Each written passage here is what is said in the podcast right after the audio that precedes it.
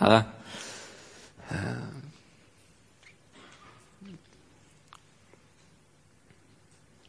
Jeg ber om at du forvandler oss, Herre.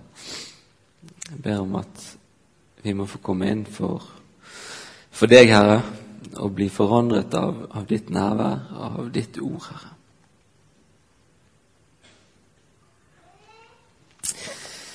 Em, dagens tekst skal jeg tale over. Det har jeg aldri gjort før. Um, og Den står i Matteus 17, vers 1-9. Og Da er det sånn her i Betlehem, tror jeg, at man har frihet til å reise seg og vise ærefrykt for Guds ord, eller man har frihet til å, til å sitte. Uh, Seks dager senere tok Jesus med seg Peter, Jakob og hans bror Johannes og førte dem opp på et høyt fjell hvor de var alene. Da ble hans utseende forvandlet for øynene på dem. Hans ansikt skinte som solen, og klærne ble hvite som lyset. Og se, Moses og Elia viste seg for dem og samtalte med ham. Da tok Peter til orde og sa til Jesus, 'Herre, det er godt at vi er her.' 'Om du vil, skal jeg bygge tre hytter.' En til deg, en til Moses og en til Elia. Ennå mens han talte, kom en lysende sky og skygget over dem. Og en røst lød fra skyen, 'Dette er min sønn, den elskede. I ham har jeg min glede. Hør ham.' Da disiplene hørte det, kastet de seg ned med ansiktet mot jorden, grepet av stor frykt. Men Jesus gikk bort og rørte ved dem og sa, Reis dere og frykt ikke. Og da de løftet blikket, så de ingen uten Jesus alene. På veien ned fra fjellet ga Jesus dem dette påbudet. Fortell ikke noen om dette synet før menneskesønnen har stått opp fra de døde.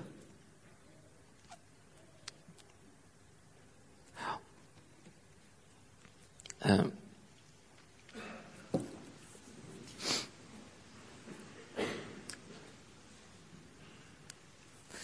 Seks dager senere. Seks dager senere enn hva? Jo, denne teksten henger sammen med to ting som skjer, eller i hvert fall to ting som skjer i kapittel 16. Og det første, det er det, er det at Jesus spør disiplene hvem sier folk at jeg er?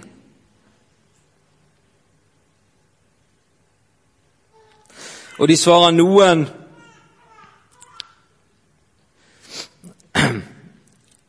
Noen sier døperen Johannes, noen Elia, noen Jeremia eller noen av profetene. Og Så spør han disiplene men hvem sier dere at jeg er. Og Peter svarer, du er Jesus Kristus, den levende Guds sønn. Og Det er første gang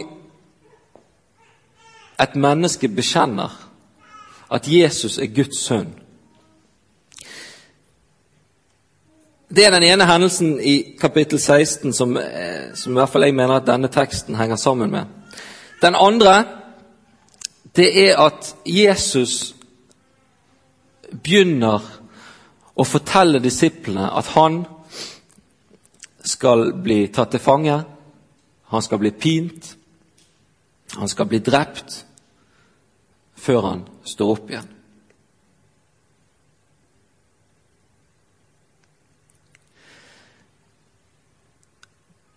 Og denne teksten, eller denne hendelsen,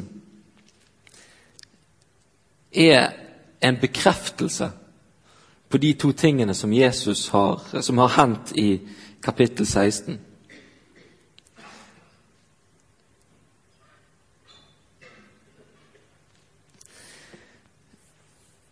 Eh, hvis vi hadde sett på denne teksten fra Lukas, så ville vi sett det at det Elia og, og Moses kommer for, det er å tale med Jesus om hans bortgang. De kommer etter noen, noen tolker det sånn at de kommer for å styrke Jesus i, den, i, det, i, forhold til det som skal komme, i forhold til hans oppgave som han nå går inn i. Eh, for denne teksten, den skjer denne hendelsen skjer på slutten av Jesu tjeneste. Det neste som Jesus nå skal gjøre, er at han skal vende mot Jerusalem. Eh, der han skal bli tatt til fange og lide og dø.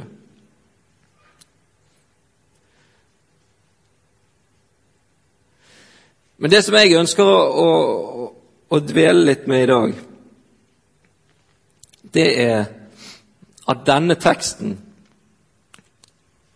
er en bekreftelse på den bekjennelsen som Peter kommer med, nemlig at Jesus, han er Kristus, Guds sønn.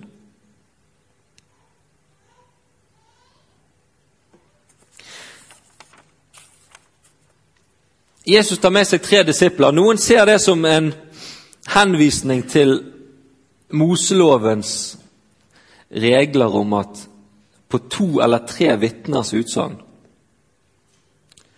så skal noe stå fast. Jesus tar med seg tilstrekkelig mange vitner opp på fjellet, sånn at den stadfestelsen som skjer av hans guddommelighet, den skal etter loven regnes som et bevist faktum.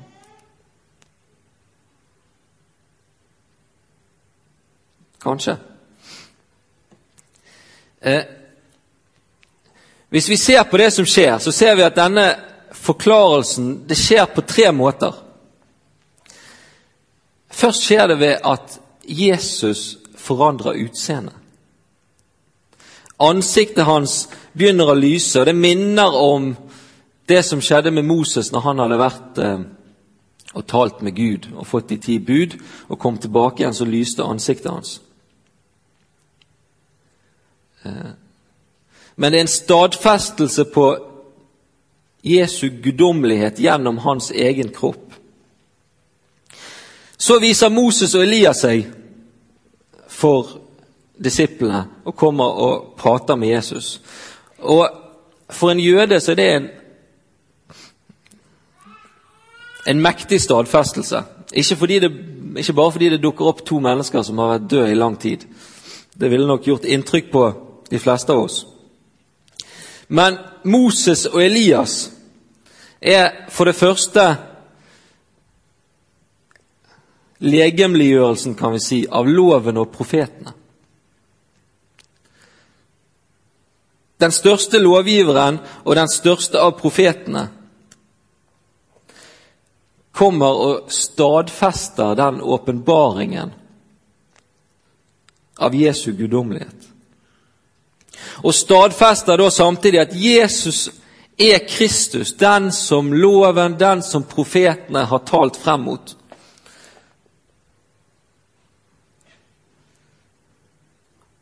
Og tilstedeværelsen av disse to personene, det er en bekreftelse fra hele den guddommelige åpenbaringen som de hellige jødiske skriftene, Gamle testamentet, eh, har vært. Han er den som skulle komme.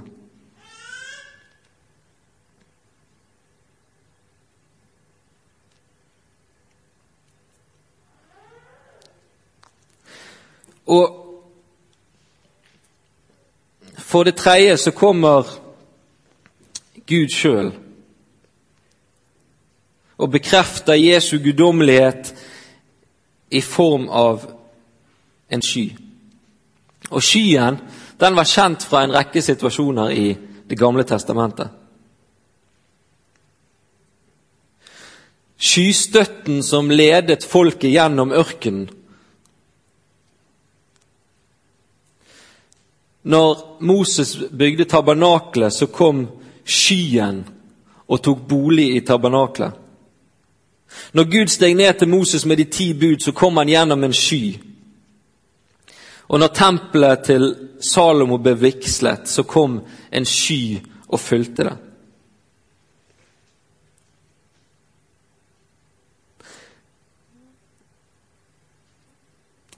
Så ut fra Det gamle testamentet så er skyen et sikkert tegn på at Guds herlighet er nær.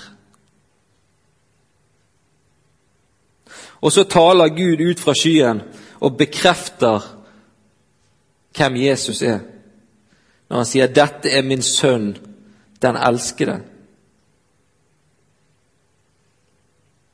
I ham har jeg velbehag, hør ham.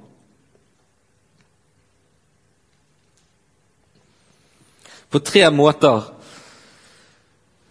så stadfestes at Jesus er Kristus, Jesus er Gud. Han er del av treenigheten. Og jeg, For min egen del så har jeg kanskje en tendens til å miste litt av det perspektivet.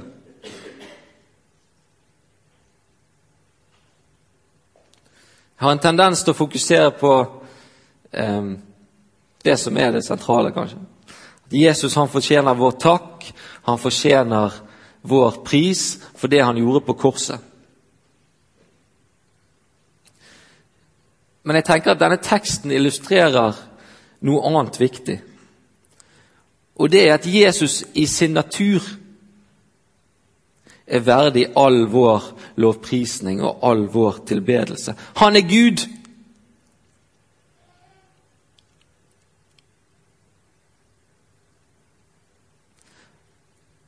Og allerede før han dør på korset, så skylder vi han alt det vi har.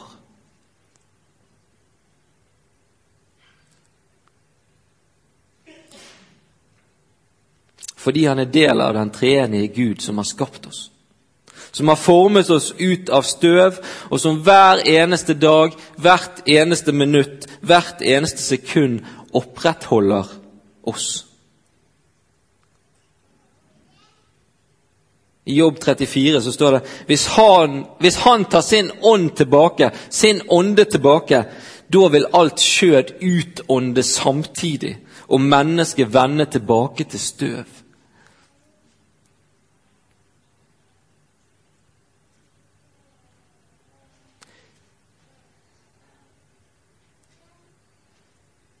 Jesus er Gud. Vi skylder han alt allerede før korset.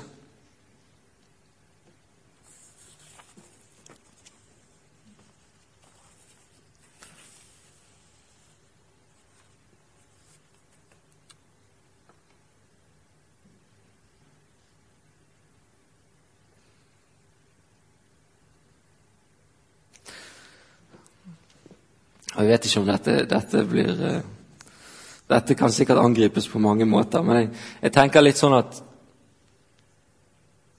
at korset, det er Det Jesus gjorde på korset, det kan vi velge om vi vil ta imot eller la være.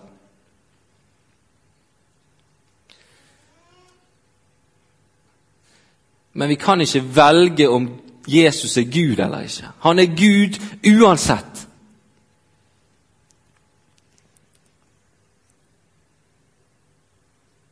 Og han har krav på vår tilbedelse uansett.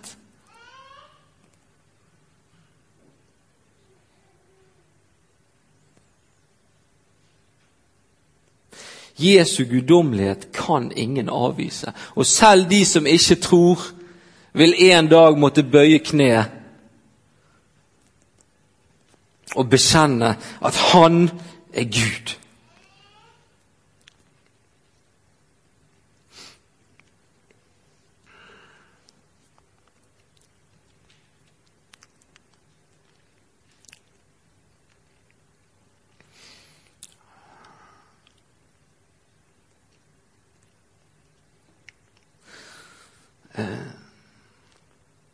Da tenker jeg, hva, hva sier det til oss?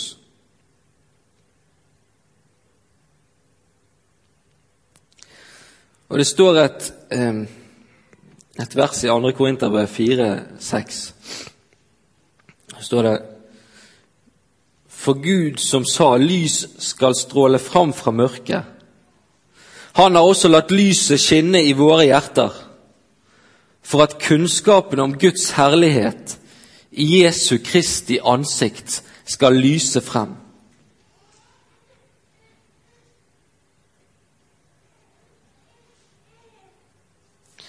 Gud har latt dette lyset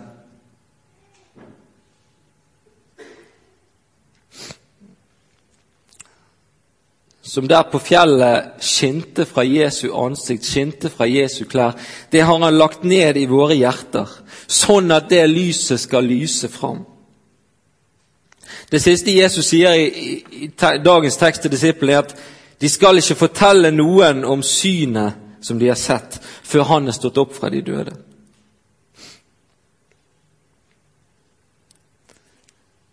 De skulle tie noe, men en dag skulle komme når disiplene skulle videreformidle den herligheten som de hadde fått sett, som de hadde fått bekreftelse av der på fjellet. Og vi er en del av den tiden der vi skal fortelle om Hans guddommelighet. Der vi skal la Hans herlighet lyse fram gjennom våre hjerter, sånn at menneskene kan se det. Og Da tenker jeg at budskapet til oss i dag, budskapet til meg i dag gjennom denne teksten, er det at alle våre tjenester, alle våre bestrebelser, alt vi gjør, skal ta utgangspunkt i Jesu herlighet. I den åpenbaringen som viste seg både der på fjellet og seinere gjennom hans død og hans oppstandelse. Det er det som skal være utgangspunktet for all vår tjeneste. Det er der vi må hente all vår kraft.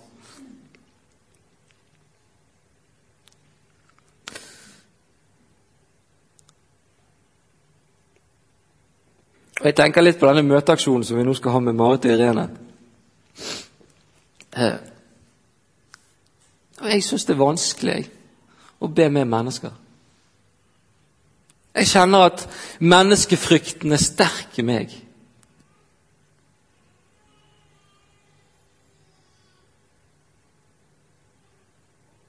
Jeg har mange venner og kolleger og naboer som ikke tror på Jesus. Alle vet nok at jeg er kristen, og de fleste har jeg nok snakket litt med. Men nå for tiden så strever jeg med meg sjøl og strever med å, å tenke hvem, hvem skal jeg be med? Tør jeg det?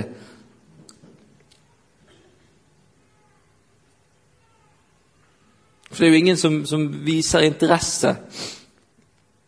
Ingen som virker interessert i Jesus. Så hvorfor skulle de være interessert i å være med på en møteaksjon? Tenker jeg i mitt hode. Er det andre som går med sånne tanker? Det er noen som nikker så vidt forsiktig rundt omkring i salen. Kanskje er det enda flere enn de som nikker. Og Jeg tror at det som dagens tekst taler til oss som har det sånn, og hvis det er noen som ikke har det sånn, så taler det sikkert til dere òg.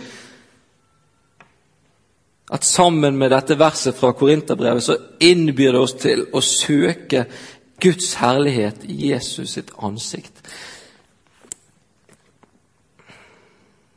Sånn at det kan lyse fram gjennom oss. Sånn at det ikke er våre ord som inviterer mennesker med på møteaksjonen, men at det er Guds herlighet som lyser gjennom oss, og som trekker de inn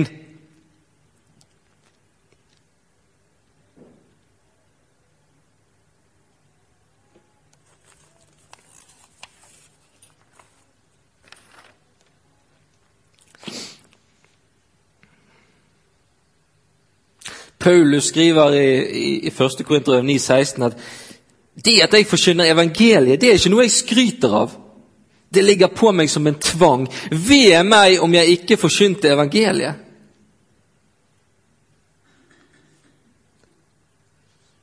Eller Jeremia, når han ikke lenger ville tale Guds ord, så sier han da ble det som en flammende ild i mitt indre, innestengt i mine bein.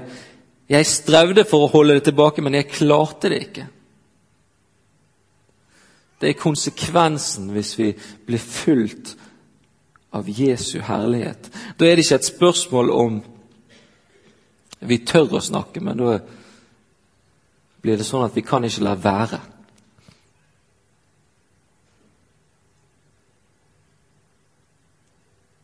Og Vi kan ikke ta oss sammen, vi kan ikke, vi kan ikke etterligne Jesu herlighet. Det eneste vi kan gjøre, er å søke Jesus,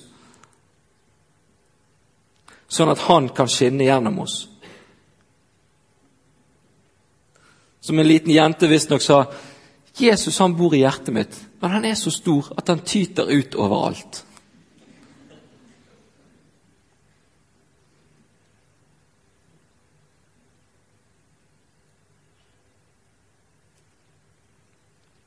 Naboene mine de kan avvise ordene mine. De kan avvise meg. De kan velge om de vil ta imot korset eller la være.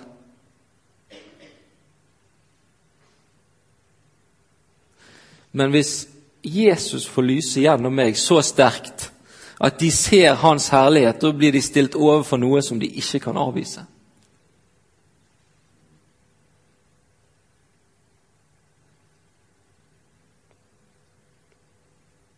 Jesus sitt ansikt.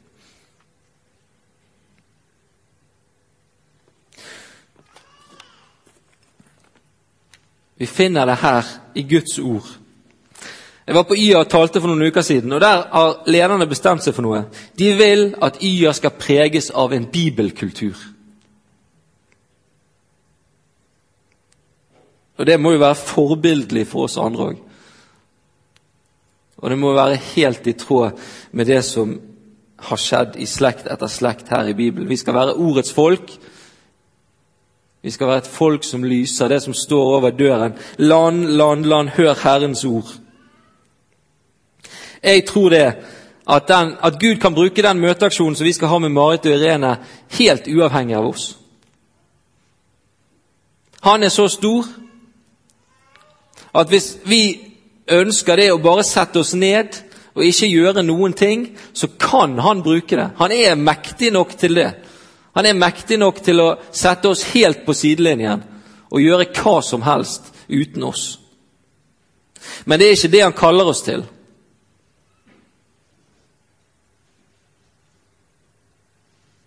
Han kaller oss til å søke Han sånn at han kan la hans herlighet skinne gjennom oss.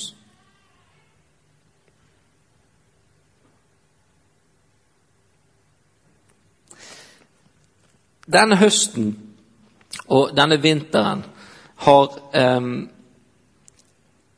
vært den perioden de siste 15 årene der jeg har lest minst i Bibelen. Ingenting å skryte av, men sånn er det. De rutinene jeg hadde, de har jeg mistet, litt fordi at det plutselig ikke passet helt med den rytmen som ungene mine har tillagt seg. Og så har det vært vanskelig å finne en ny. Og så har jeg slitt med bibellesningen. Er det andre som sliter med sin bibellesning? Jeg tror at det som Jesus først og fremst kaller meg til i teksten i dag, det er å søke Han i Hans ord. Søke Han i bønn.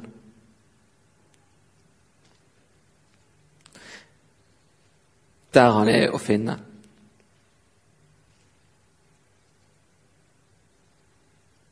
Jeg tror det går et kall fra Gud i dag til oss. I den situasjonen vi er nå, hver og en av oss, og som menighet med to og en halv uke eller igjen til en møteaksjon, så tror jeg det går ut et kall. Og det tror jeg lyder sånn Søk min herlighet.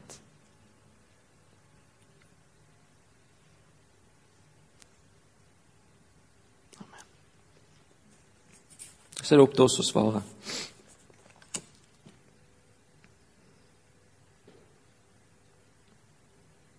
Herre Jesus.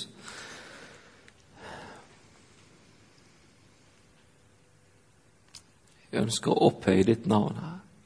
Jeg ønsker å ære ditt navn, for du er Gud.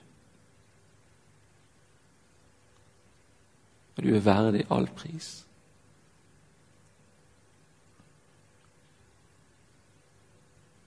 Det er du som har sagt at du er med oss alle dager.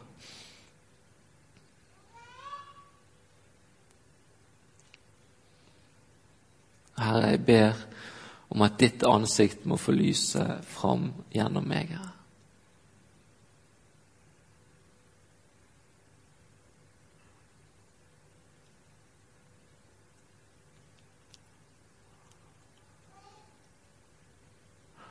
Gjennom oss, Herre.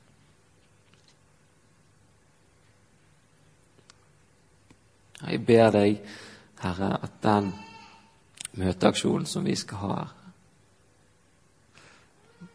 må være til din ære.